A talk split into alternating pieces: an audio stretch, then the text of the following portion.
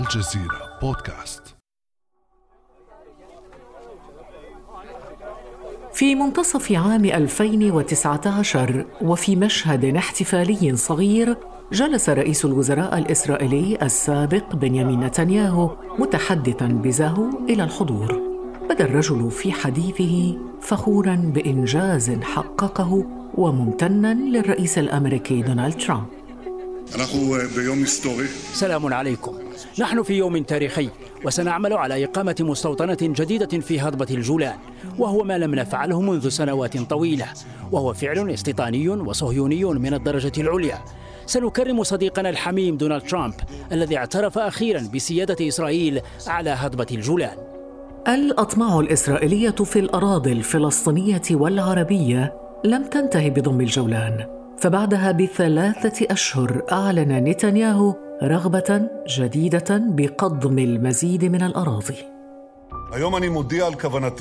أعلن اليوم نيتي أن أفرض السيادة الإسرائيلية على غور الأردن وشمال البحر الميت مع تشكيل الحكومة المقبلة. ستكون هذه الخطوة الأولى إذا حصلت على ثقتكم. هذا مهم لأن هذه هي الحدود الشرقية لإسرائيل مع هضبة الجولان التي اعترف ترامب بسيادتنا عليها.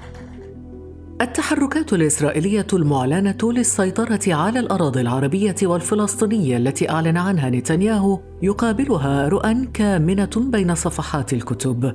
كشف عنها مساعد رئيس تحرير صحيفة الوطن المصرية سيد جبيل في إحدى حلقاته التي يبثها على قناة نعرف في موقع يوتيوب. في أستاذ في جامعة كامبريدج اسمه بروفيسور كولين هامفريز عمل كتاب اسمه The Miracles of the Exodus أو عجائب الخروج خروج اليهود من مصر. الراجل ده بيقول إن جبل سيناء اللي تكلم الله اللي نزل عليه ربنا سبحانه وتعالى اللي هبط عليه ربنا سبحانه وتعالى وتحدث إلى سيدنا موسى ونزل عليه أو أعطاه التوراة أو أوحى له بالتوراة. ده مش موجود في مصر ولكنه موجود في منطقة تابوك في شمال غرب السعودية. وتحديدا فين؟ على جبل اللوز يعني في المنطقة الآن اللي بيقام عليها منطقة مشروع نيوم. ويشير الصحفي المصري المعروف إلى فكرة خطيرة تهدد المنطقة العربية. ده بالأساس فكرة اعتماد إسرائيل. على مبدأ إسرائيل التوراتية تهديد مباشر لدول الجزيرة العربية وتحديدا اليمن والسعودية. ومثلا على سبيل المثال يعني أنا قدامي كتب كتيرة يعني مثلا أنا قدامي هنا في كتاب سنة المستشرق ديفيد سامويل عامل كتاب سنة 1924 بيتكلم فيه عن العلاقات ما بين العرب وبني إسرائيل before the rise of Islam أو قبل ظهور الإسلام. وبيقول إنه الموطن الأصلي لبني إسرائيل هو في جنوب الجزيرة العربية مشيرا إلى اليمن التاريخية يعني اليمن اللي نعرفها وجزء كبير من السعودية وربما من دول خليجية أخرى. فهل ستكتفي إسرائيل بما ضمته من اراض عربية وفلسطينية؟ وما سبل التصدي لاستراتيجيتها؟ وفي ضوء ذلك إلى أين يتجه قطار التطبيع العربي معها؟ بعد أمس من الجزيرة بودكاست أنا خديجة بن جنة.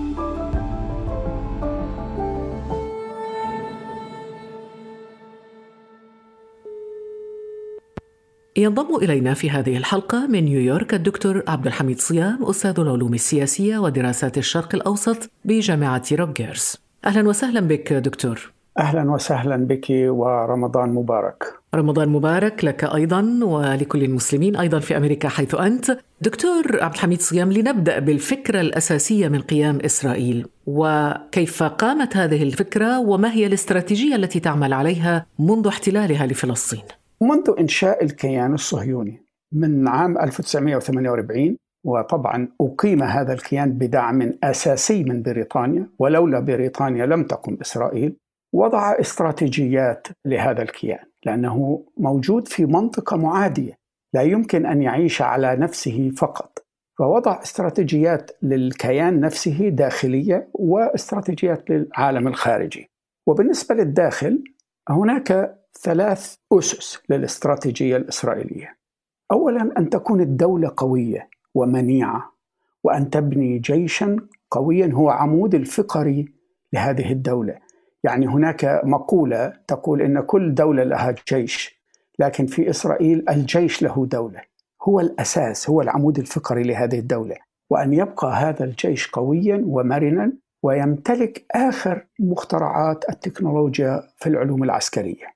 النقطة الثانية في استراتيجية الدولة التي لا تتغير مع الأيام وهي أن تحافظ الدولة على أغلبية يهودية وأن تستحضر وتستجلب المزيد من المهاجرين اليهود من كافة دول العالم لأن كانت مشكلتها مشكلة في الديموغرافيا أي عدد قليل. ولذلك وضعت خطط منذ اليوم الأول على استجلاب اليهود من المغرب من العراق من شمال أفريقيا من مصر من اليمن. ثم استمرت هذه السياسة مثلا في الثمانينات استجلبت يهود الفلاشة. وطبعا كما هو معروف في التسعينات استجلبت يهود روسيا. وبهذا تريد أن تعدل الميزان الديموغرافي الذي لا يميل لصالحها مع الأيام. والنقطة الثالثة وهو أن تسيطر على كافة الأرض الفلسطينية لا يوجد رئيس وزراء إسرائيلي. كان مقتنعا بأنه سيعطي أو سيعيد أي قطعة أرض تصلها أقدام الجيش الإسرائيلي. وعلى مراحل.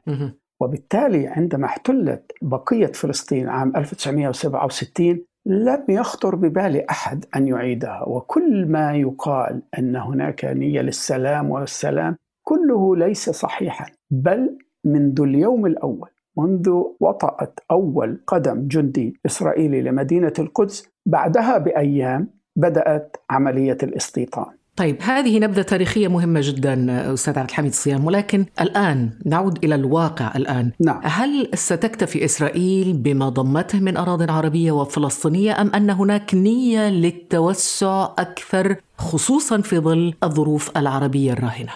السيطرة في عصرنا الحاضر لم تعد بالضرورة بفرض قوة عسكرية وإخضاع السكان وهذا ما لا تستطيع إسرائيل أن تقوم به لأن أولا عدد سكانها محدود وثانيا العالم الآن أصبح مركبا وصعبا أن تقوم دولة مثل إسرائيل أن تلغي مثلا دولة أخرى. وهي مثلا هناك حديث كثير عن قضية الأردن أو قضية سيناء.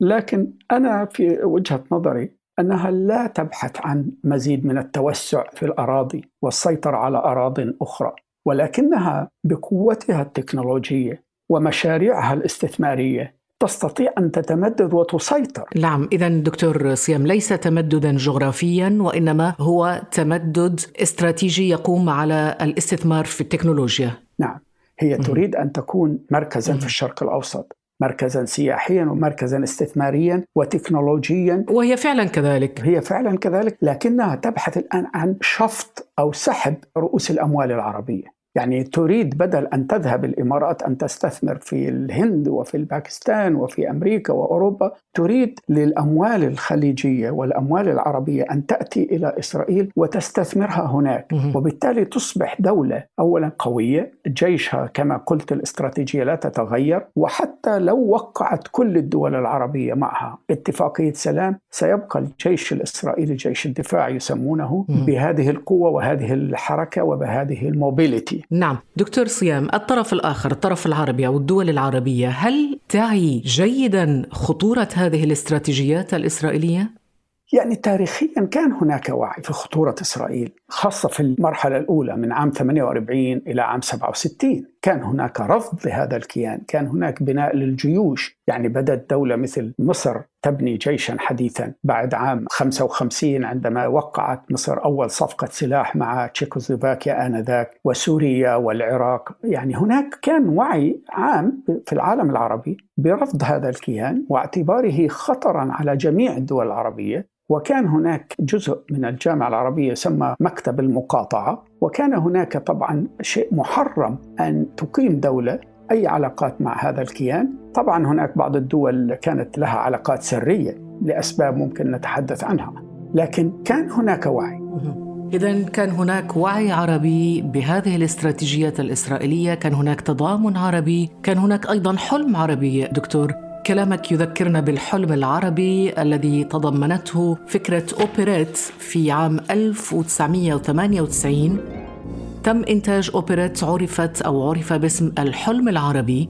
يدعو إلى الوحدة العربية ويوضح أهميتها في تحقيق الاستقرار والحفاظ على مستقبل الأجيال القادمة. اكتسب الأوبريت شهرة كبيرة عقب اندلاع انتفاضة الأقصى بعد اقتحام رئيس الوزراء الإسرائيلي الأسبق أريال شارون باحات المسجد الأقصى. لا سيما أن الأوبريت تخلله الكثير من المشاهد للانتفاضة الفلسطينية الأولى والثانية التي وثقت انتهاكات الاحتلال الإسرائيلي في ذلك الوقت.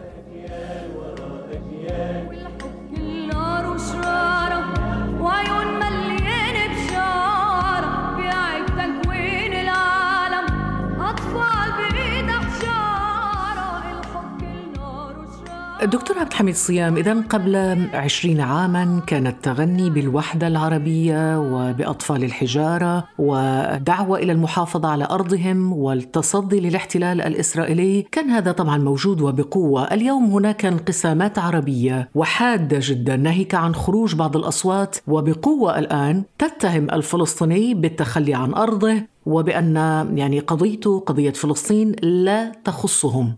ما الذي يجري؟ نعم الذي يجري هو هذا تحقيق لاستراتيجية إسرائيل خارج حدودها وهي أن يتم تغييب القضية الفلسطينية. فلسطين هي نقيض لإسرائيل وكلما قويت إسرائيل كلما ضعفت فلسطين.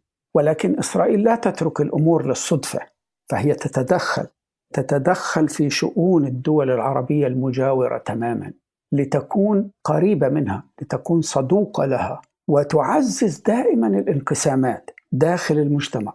إذا كان في الأردن فتلعب على قضية فلسطين أردني. في سوريا تلعب على قضية علوي وسني. في لبنان على مسيحي ومسلم. في أي مكان تجد فيه شقوق تلعب على توسيع هذه الشقوق وتحويلها. وفي مصر أيضا على الانقلابات. نعم. ثم تعتمد على الانقلابات العسكرية. ثم تقيم علاقات مع الأقليات. كل ذلك لمحاصرة فلسطين وقضية فلسطين وتبديد التأييد الشعبي والرسمي لقضية فلسطين. وأستطيع أن أقول إنها بدأت تحقق اختراقات حقيقية. ما زالت الاختراقات على مستوى الحكومات الرسمية لكن الخوف أنها تنتقل إلى الشعوب. وأستطيع أن أقول إن هناك على الأقل بلدين أو ثلاثة بدأت تحقق بعض الاختراقات في داخل الشعوب. وخاصة ما نسمعه الآن ما يجري في بعض الدول الخليجية وفي المغرب.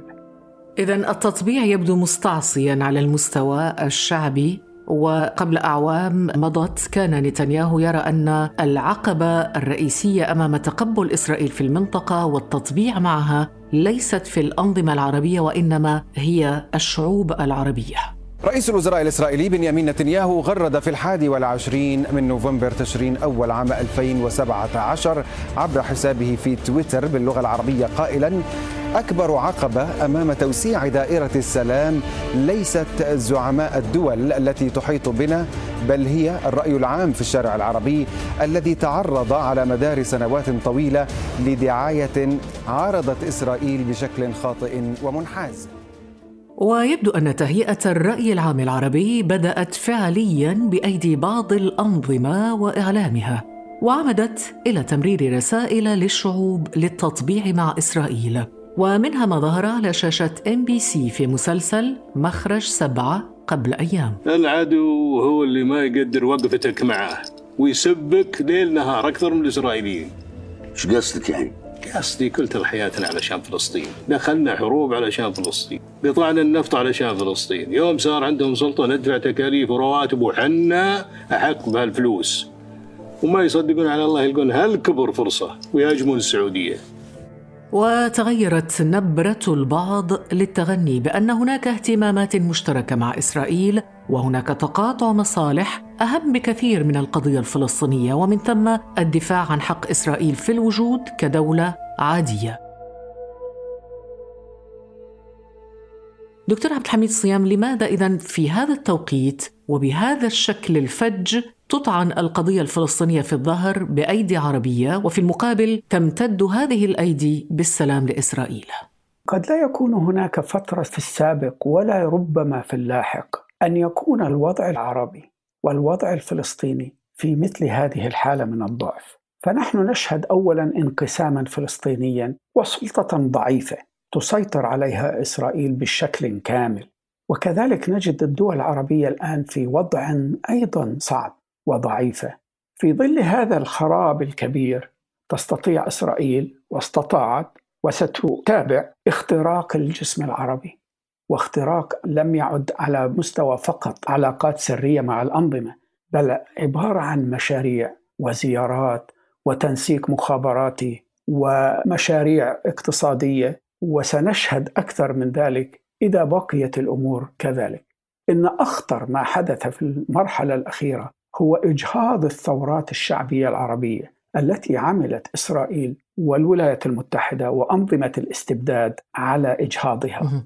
يعني لو تلمسنا دكتور صيام في الأخير بعض الأمل ننهي به هذه الحلقة أو بعض النور بين شقوق هذا الوضع المأساوي للأسف في العالم العربي هل من أمل في الشعوب ربما لإعادة البوصلة إلى وجهتها الصحيحة؟ أنا أثق بالشعوب العربية كلها وعندي تجربة أنا عشت في كثير من الدول العربية وأعرفها جيدا يعني. ولم أجد إنسانا عاديا ممكن أن يتقبل إسرائيل كما هي كدولة محتلة دولة طاغية دولة قاهرة.